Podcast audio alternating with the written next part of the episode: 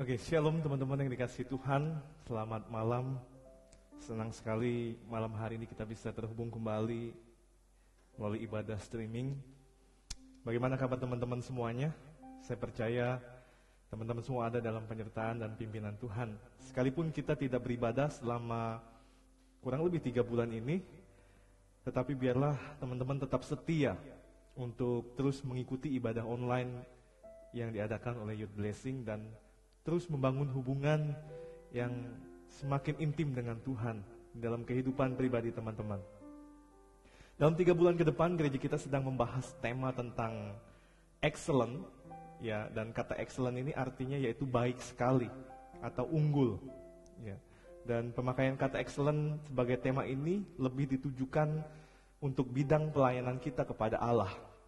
Ya. Dengan kata lain, bagaimana supaya pelayanan kita bisa semakin lebih baik, lebih unggul, lebih excellent di hadapan Tuhan. Ya, tentunya sesuai dengan penilaian Tuhan, bukan dengan penilaian kita sendiri. Ya, sesuai dengan kehendak Tuhan, bukan kehendak kita sendiri. Dan salah satu indikator dari pelayanan yang excellent adalah kita terus mengalami pertumbuhan rohani dalam Tuhan, growing in Christ. Ya.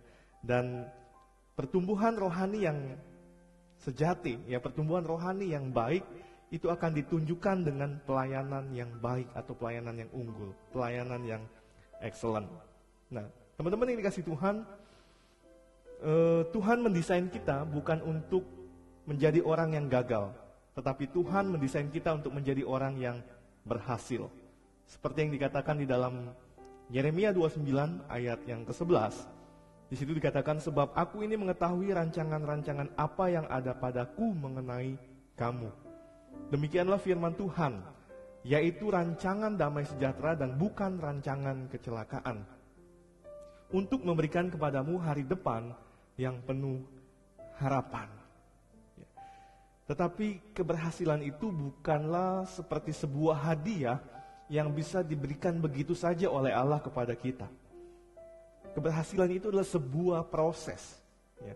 Dan untuk mencapai hasil yang excellent, maka kita harus siap untuk mengikuti proses demi proses yang Tuhan izinkan terjadi, yang Tuhan izinkan kita hadapi di dalam kehidupan kita.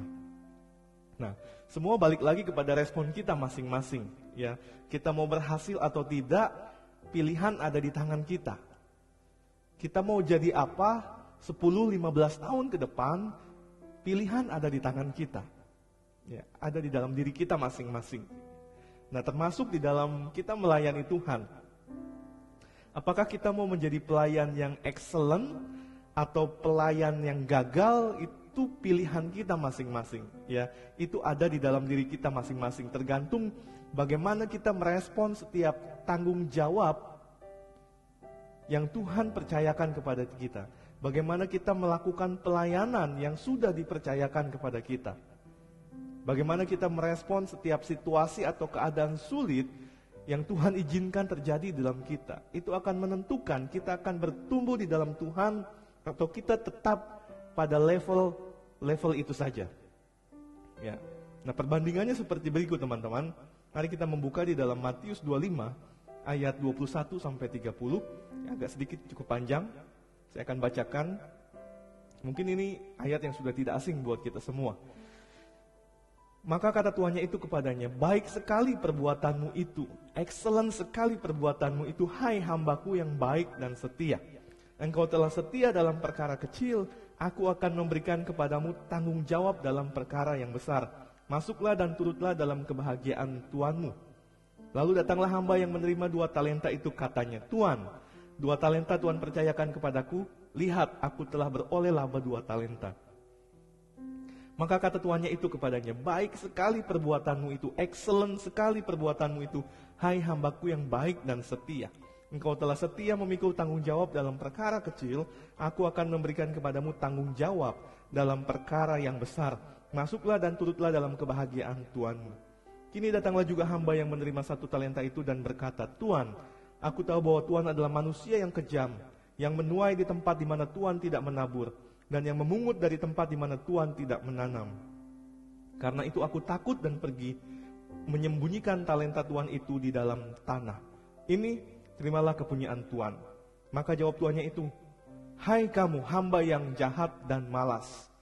Jadi kamu sudah tahu bahwa aku menuai di tempat di mana aku tidak menabur dan memungut dari tempat di mana aku tidak menanam. Karena itu sudahlah seharusnya uangku itu kau berikan kepada orang yang menjalankan uang. Supaya sekembaliku aku menerima serta dengan bunganya. Sebab itu ambillah talenta itu daripadanya dan berikanlah kepada orang yang mempunyai sepuluh talenta itu. Karena setiap orang yang mempunyai, perhatikan ini, karena setiap orang yang mempunyai apa? Tanggung jawab kepadanya akan diberi tanggung jawab yang lebih besar sehingga ia berkelimpahan. Tetapi siapa yang tidak mempunyai tanggung jawab, yang melalaikan tanggung jawab, apa pun juga yang ada padanya akan diambil daripadanya. Dan campakkanlah hamba yang tidak berguna itu ke dalam kegelapan yang paling gelap. Di sanalah akan terdapat ratap dan kertak gigi. Nah teman-teman, dari ayat yang kita baca barusan ada dua kata excellent yang diucapkan oleh Tuhan yang punya talenta itu kepada hamba yang memperoleh lima talenta dan dua talenta. Karena apa? Karena mereka telah berhasil menjalankan tanggung jawab yang dipercayakan oleh tuannya kepada mereka dengan baik sekali, dengan excellent. Ya.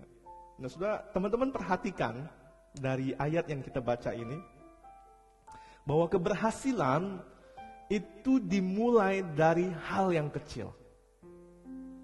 Ya. Menyepelekan hal yang kecil itu mengakibatkan kegagalan yang besar.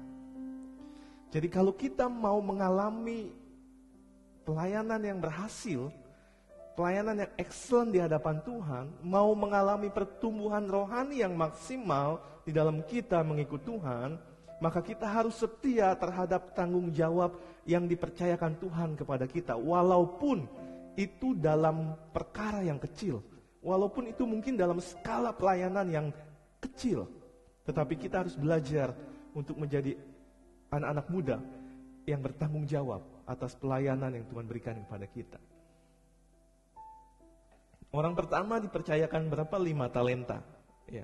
Orang kedua dipercayakan dua talenta. Dan orang yang ketiga dipercayakan satu talenta. Lima jadi berapa? Jadi sepuluh, dua jadi empat. Satu tetap satu. Orang pertama dan orang kedua memperoleh hasil seratus kali lipat. Sehingga tuannya berkata, baik sekali perbuatanmu itu. Atau kamu melakukan pekerjaan dengan excellent. Kamu melakukan pekerjaan dengan penuh tanggung jawab. Tetapi orang ketiga, dia tidak mengerjakan talenta yang sudah dipercayakan oleh tuannya kepadanya. Sehingga dia fail di dalam tugasnya. Dia gagal. Karena apa? Karena dia tidak bertanggung jawab, dia tidak melayani, dia tidak melakukan pekerjaannya itu dengan baik. Sehingga wajar kalau dia mengalami kegagalan. Wajar kalau dia tidak mengalami pertumbuhan di dalam rohani. Yang berhasil, ya kita sudah tahu, dia adalah orang yang menjalankan tugasnya dengan baik, melakukan pekerjaannya dengan penuh tanggung jawab. Tetapi apa nih? Apa yang menjadi alasan orang ketiga tidak mengerjakan tugasnya dengan baik? Ya, mungkin teman-teman bertanya-tanya, apa sih yang menyebabkan dia sehingga dia tidak mengerjakan tugasnya dengan baik? Dia tidak memperoleh hasil yang maksimal. Nah, yang pertama, ya, dia melihat kekurangan dari tuannya. Ya, di dalam ayat 24 dia katakan bahwa tuannya itu adalah manusia yang kejam. Jadi yang ada di dalam pikirannya, yang ada di dalam penglihatannya, tuannya itu adalah manusia yang kejam. Jadi dia hanya melihat kekurangan dari pemimpinnya, dari pimpinannya. Sehingga itu yang menghalangi dia untuk dia bisa melakukan tugasnya dengan baik. Dengan maksimal. Dengan excellent. Karena dia terhalang dengan satu pola pikir yang ada di dalam pikirannya. Tuhan saya manusia yang kejam. Ya. Teman-teman, seberapa banyak di antara teman-teman yang masih suka melihat kekurangan dari pimpinannya, dosennya, bosnya di tempat kerja, atau bahkan mungkin pemimpin rohaninya. Ayo ngaku, seberapa banyak di antara kita yang masih suka melihat kekurangan dari pimpinan kita. Ah dia aja datangnya siang, Ngapain saya datang pagi-pagi? Ah, bos, bos saya aja pelit. Ngapain saya mesti rajin-rajin kerja? Yang enak dia, yang untung dia, yang capek, yang babak belur saya. Ngapain saya mesti sungguh-sungguh kerja? Ah, bos saya itu jahat, kejam. Ngapain saya mesti baik sama dia? Dan masih banyak mungkin contoh-contoh yang lain. Ada banyak orang yang masih suka melihat kekurangan orang lain. Ya, sehingga itu yang membatasi kita untuk kita bisa bertumbuh di dalam Tuhan. Masih masih melihat kekurangan dari teman pelayanan kita. Masih memikirkan hal-hal yang negatif dari teman-teman yang ada di sekitar kita, pimpinan yang ada di sekitar kita dan itu yang membuat kita tidak bertumbuh di dalam Tuhan. Itu yang membuat kita tidak bisa excellent di dalam kita melayani Tuhan. Teman-teman, ini hanya beberapa contoh respon negatif di dalam kita bekerja atau kita melayani Tuhan. Nah, respon seperti ini tidak akan membawa kita kepada pencapaian yang excellent. Yang ada justru sebaliknya akan membuat kita tidak bisa berkembang, tidak bisa bertumbuh di dalam Tuhan, bahkan itu akan membuat kita terpuruk di dalam kita menjalani kehidupan ini. Teman-teman mau bangkit, mau berhasil atau mau terpuruk? Pilihan ada di tangan kita masing-masing. Nah, sikap yang harus kita punyai, ya, itu uh, diilustrasikan seperti sebuah termostat atau termometer. Ya. Kedua-duanya adalah alat yang bisa mengukur temperatur atau suhu. Ya. Namun kedua alat ini sangatlah berbeda dalam fungsinya. Termometer bersifat pasif, Ya, termometer merekam temperatur suhu ruangan atau suatu benda, tapi tidak sama sekali bisa mengubah. Termometer sangat dipengaruhi oleh kondisi eksternal. Tetapi termostat itu bersifat aktif. Ya, termostat ini bisa e, menentukan kondisi lingkungannya. Termostat bisa merubah perubahan Eh, termostat bisa membuat perubahan demi terbangunnya iklim yang kondusif. Biasanya termostat ini kita gunakan atau dipakai eh, contoh misal di AC, AC seperti ini. Di dalamnya ada termostat. Nah, kita bisa mengatur seberapa dingin suhu ruangan yang mau kita atur. Semakin dingin atau cukup dingin atau cukup hangat. Itu bisa diatur oleh termostat. Nah, oleh sebab itu sebagai pekerja atau sebagai pelayan Tuhan seharusnya kita bisa menjadi seperti termostat, yaitu orang yang bisa memberikan pengaruh. Ya, tentunya memberikan pengaruh yang baik ya, pengaruh yang positif. Bukan menjadi termometer, yaitu orang yang dipengaruhi, apalagi dipengaruhi oleh hal-hal yang negatif. Itu sangat berbahaya sekali. Nah, sehingga ketika kita bekerja atau ketika kita melayani Tuhan, kita akan melakukannya dengan segenap hati, dengan maksimal, ya, dengan penuh tanggung jawab. Kita tidak akan terpengaruh oleh orang-orang atau bahkan pimpinan kita yang mungkin dalam tanda kutip, mungkin dalam pandangan kita mereka adalah orang yang kurang baik, mereka adalah orang yang tidak baik. Tetapi kita tidak akan terpengaruh. Kita akan tetap bekerja, kita akan tetap melayani dengan semaksimal mungkin. Kita juga tidak akan terpengaruh dengan situasi atau kondisi yang tidak mengenakan ketika kita bekerja atau melayani. Kita akan tetap memberikan yang terbaik buat Tuhan, giving the best untuk Tuhan. Nah, itu yang pertama, ciri-ciri yang pertama. Kenapa orang yang ketiga ini gagal dalam menjalankan tugasnya? Karena dia masih melihat kekurangan dari tuannya atau pimpinannya. Yang kedua, yang menyebabkan orang ini gagal yaitu dia takut gagal, ya, dia takut gagal sehingga dia hanya mengubur talenta itu di dalam tanah. Dia tidak me, dia tidak memakai talenta itu untuk bekerja. Dia tidak memakai talenta itu sebagai modal, tetapi dia simpan talenta itu. Jadi si hamba yang menerima satu talenta ini, dia sudah takut duluan, ya dia sudah takut gagal duluan sebelum dia mengerjakan talentanya. Jadi yang ada di dalam pikiran dia, kalau dia gagal, lalu talentanya habis, maka dia pasti dihukum oleh tuannya. Maka dari itu dia berpikir, ah lebih baik kalau talenta ini dikubur saja. Dia berpikir bahwa dia akan aman. Dia berpikir kalau dia akan dipuji oleh tuannya. Tapi ternyatanya tidak. Ya, justru dia mendapatkan hukuman dari tuannya. Nah, teman-teman yang dikasih Tuhan, kegagalan memang menjadi sebuah momok yang mempengaruhi banyak orang untuk mereka memulai sebuah pekerjaan atau untuk mereka memulai sebuah usaha atau bahkan untuk mereka memulai sebuah pelayanan. Seberapa banyak dari kita yang takut untuk gagal? Tapi ingat teman-teman, selain kegagalan itu adalah sebuah momok yang menakutkan, tapi juga ada statement yang mengatakan bahwa kegagalan adalah sebuah keberhasilan yang tertunda. Betul ya? Saya yakin teman-teman uh, sering dengar istilah ini. Kegagalan adalah keberhasilan yang tertunda. Kalau belum mencoba, kita sudah takut gagal, ya bagaimana kita bisa menikmati rasanya menjadi berhasil? Kalau sebelum kita kerjakan kita sudah takut gagal, bagaimana kita bisa mengalami pertumbuhan rohani di dalam Tuhan? Saya mau katakan tidak usah terlalu takut dengan kegagalan. Karena apa yang kita takutkan itu belum tentu terjadi. Belum tentu kita alami. Ya kan? Itu baru sebatas pikiran yang ada di dalam otak kita. Dan saya mau katakan lagi, kalaupun, kalaupun kita sampai mengalami kegagalan, pakailah kegagalan itu sebagai sebuah batu pijakan untuk mencapai keberhasilan yang ada di depannya gitu. Pakailah kegagalan itu sebagai alat untuk kita meraih keberhasilan yang ada di depan kita. Karena kita butuh batu pijakan itu untuk kita bisa sampai ke tempat di mana keberhasilan itu ada. Nah dalam hal pelayanan kita kepada Tuhan, ya, sebagai anak-anak mudanya Tuhan, ya, yang saya percaya teman-teman dikaruniai kemampuan, skill yang luar biasa oleh Tuhan.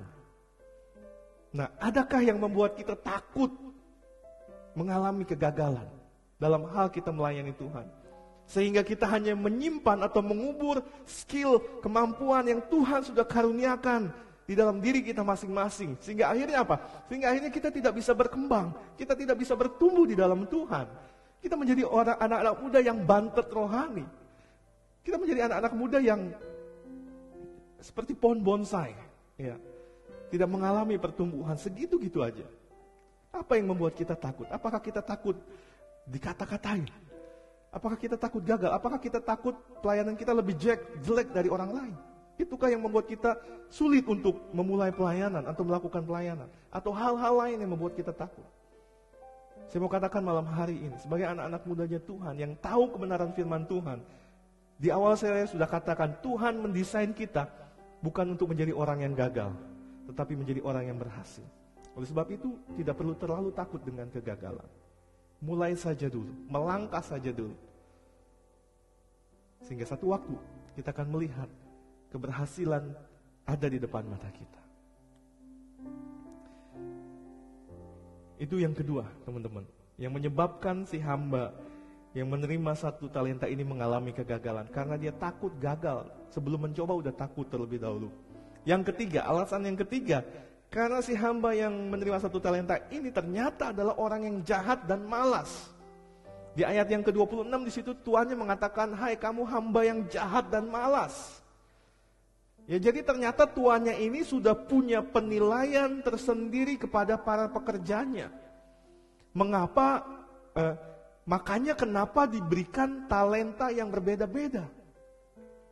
Ada yang lima, dua, dan satu. Jadi bukan maksud tuannya untuk membeda-bedakan.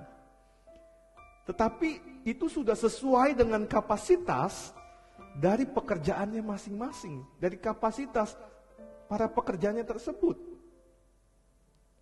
Tuannya memberikan satu talenta kepada hamba yang ketiga ini karena memang pada dasarnya tuannya sudah tahu bahwa si pekerjanya ini punya karakter yang tidak baik dan dia juga adalah orang yang malas. Jadi wajar nggak kalau tuannya kasih satu talenta? Wajar nggak kalau berbeda dengan hamba-hamba yang lain? Wajar. Kalau kita sebagai uh, pemimpin sebuah perusahaan, pasti kita juga punya penilaian tersendiri terhadap karyawan-karyawan kita. Tentunya kalau karyawan kita berprestasi, rajin, karakternya baik, tentu juga itu akan mempengaruhi bonus yang akan dia terima.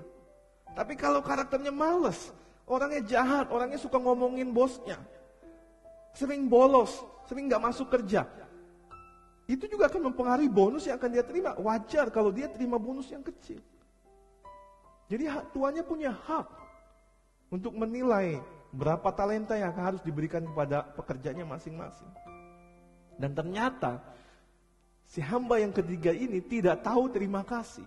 Walaupun dia punya karakter yang jahat dan malas, tuannya masih percayakan kasih satu talenta. Eh tapi ternyata dia tetap tiga, tidak mengerjakannya. Wow, ya ini satu karakter yang sangat tidak baik sebagai seorang pekerja. Jadi teman-teman, karakter kita akan menentukan seberapa besar kita akan diberikan tanggung jawab dan kepercayaan oleh Tuhan di dalam kehidupan kita. Karakter kita akan menentukan seberapa pencapaian kita mengalami pertumbuhan rohani dalam mengikut Tuhan. Jadi jangan salahkan Tuhan. Kalau kita tidak mengalami pertumbuhan rohani, jangan salahkan pemimpin rohanimu kalau engkau tidak mengalami pertumbuhan rohani. Jangan salahin teman-teman sepelayananmu kalau engkau tidak mengalami pertumbuhan rohani. Periksa diri kita masing-masing. Apakah karakter kita sudah baik di hadapan Tuhan? Apakah kita hidup dengan karakter yang baik atau karakter yang buruk? Nah, itu akan menentukan pencapaian kita di dalam kita mengalami pertumbuhan rohani di dalam kita menjadi pelayan yang excellent atau pelayan yang gagal. Semakin kita memiliki karakter yang baik, maka orang akan semakin percaya sama kita. Semakin kita memiliki karakter yang baik, orang akan semakin suka dengan kita. Orang akan semakin mengasihi kita. Orang akan semakin percaya untuk kita diberikan tanggung jawab yang lebih besar lagi. Makanya kan tuannya berkata kepada hambanya yang menerima lima talenta dan dua talenta ini, baik sekali perbuatanmu itu hai hambaku yang baik dan setia. Engkau telah setia dalam perkara kecil, maka aku akan memberikan kepadamu perkara yang lebih besar. Teman-teman, jahat atau dan malas adalah karakter buruk yang bisa menghambat pelayanan kita untuk bisa menjadi pelayan yang excellent. Yang bisa menghambat kita mengalami pertumbuhan rohani. Coba saudara bayangkan begini. Mau ibadah rasanya males. Kita dihantui dengan kemalasan. Akhirnya kita pilih tidak ibadah. Saya mau tanya, apa yang saudara dapat ketika saudara memilih untuk tidak beribadah? Mau kerja males, dihantui rasa males. Sehingga akhirnya saudara memilih untuk bolos, untuk tidak kuliah atau tidak kerja. Pertanyaan saya, apa yang saudara dapat dari bolos saudara? Mau ngerjain tugas males, mau pelayanan males. Sehingga akhirnya memilih untuk berdiam diri. Melalaikan itu semua. Saya mau tanya, apa yang teman-teman dapat? Kan gak dapat apa-apa kan? Tapi berbeda ketika teman-teman dapat mengalahkan rasa malas ini.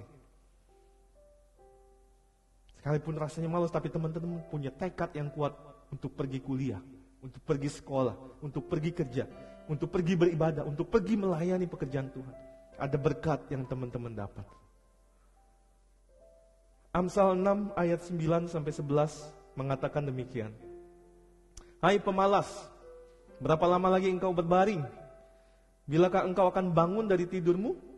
Tidur sebentar lagi, mengantuk sebentar lagi, melipat tangan sebentar lagi untuk tinggal berbaring. Apa akibatnya orang yang malas seperti ini? Maka datanglah kemiskinan kepadamu seperti seorang penyerbu dan kekurangan seperti orang yang bersenjata. Amsal 12 ayat 27 mengatakan orang malas tidak akan menangkap buruannya. Tetapi orang rajin akan memperoleh harta yang berharga. Amin. Kalau teman-teman saya yakin teman-teman teman-teman anak muda yang cerdas. Saya yakin kalau teman-teman tidak belajar, malas belajar, teman-teman udah tahu konsekuensinya. Teman-teman akan dapat nilai jeblok. Kalau teman-teman malas kerja, nggak mau kerja, nggak mau berusaha, saya yakin teman-teman tahu apa konsekuensinya. Teman-teman akan jadi orang yang miskin, nggak punya uang, nggak punya apa-apa, nggak bisa beli apa-apa. Nah mungkin saya mau kasih tahu dalam hal rohani, ini yang mungkin kurang dipikirkan, kurang diperhatikan oleh teman-teman. Kalau teman-teman males baca firman Tuhan, males berdoa, males ibadah, males melayani, mungkin teman-teman berpikir, ah nggak apa-apa kok, hidup saya masih baik-baik aja kok, saya masih bisa hidup kok, saya masih bisa nafas, saya masih bisa sekolah, masih bisa melakukan ini dan itu, betul, ya, itu tidak salah. Tapi yang teman-teman harus tahu, ketika teman-teman males dalam ruang lingkup rohanimu, dalam kehidupan rohanimu, maka akibat yang akan teman-teman alami, engkau akan menjadi orang kerdil rohani. Ya, engkau tidak akan mengalami pertumbuhan rohani yang maksimal di dalam Tuhan. Engkau tidak akan pernah mencapai pertumbuhan rohani yang maksimal di dalam Tuhan. Karena kehidupan rohani untuk dia bisa bertumbuh itu juga harus diusahakan, harus dikerjakan terus di dalam kehidupan kita. Dan biarlah lewat tema kita dalam kurang lebih tiga bulan ini, ya, membahas tentang pelayanan, kita boleh tersadarkan kembali. Ya, beberapa minggu lalu teman-teman youth leader yang lain sudah membahas bahwa hidup kita Hidup kita ini yang kita, kita jalani sehari-hari, baik di rumah, di sekolah, tempat kerja, tempat berkomunitas, itu adalah area pelayanan kita juga kepada Tuhan. Dan biarlah kiranya lewat tema-tema ini kita disadarkan kembali untuk kita bisa uh, bangkit menjadi anak-anak muda Tuhan yang terus mengalami pertumbuhan rohani yang maksimal di dalam Tuhan. Bahkan kita bisa menjadi pelayan-pelayan Tuhan yang excellent di dalam kita melayani Tuhan. Tuhan Yesus memberkati kita. Mari kita berdoa untuk firman Tuhan pada malam hari ini.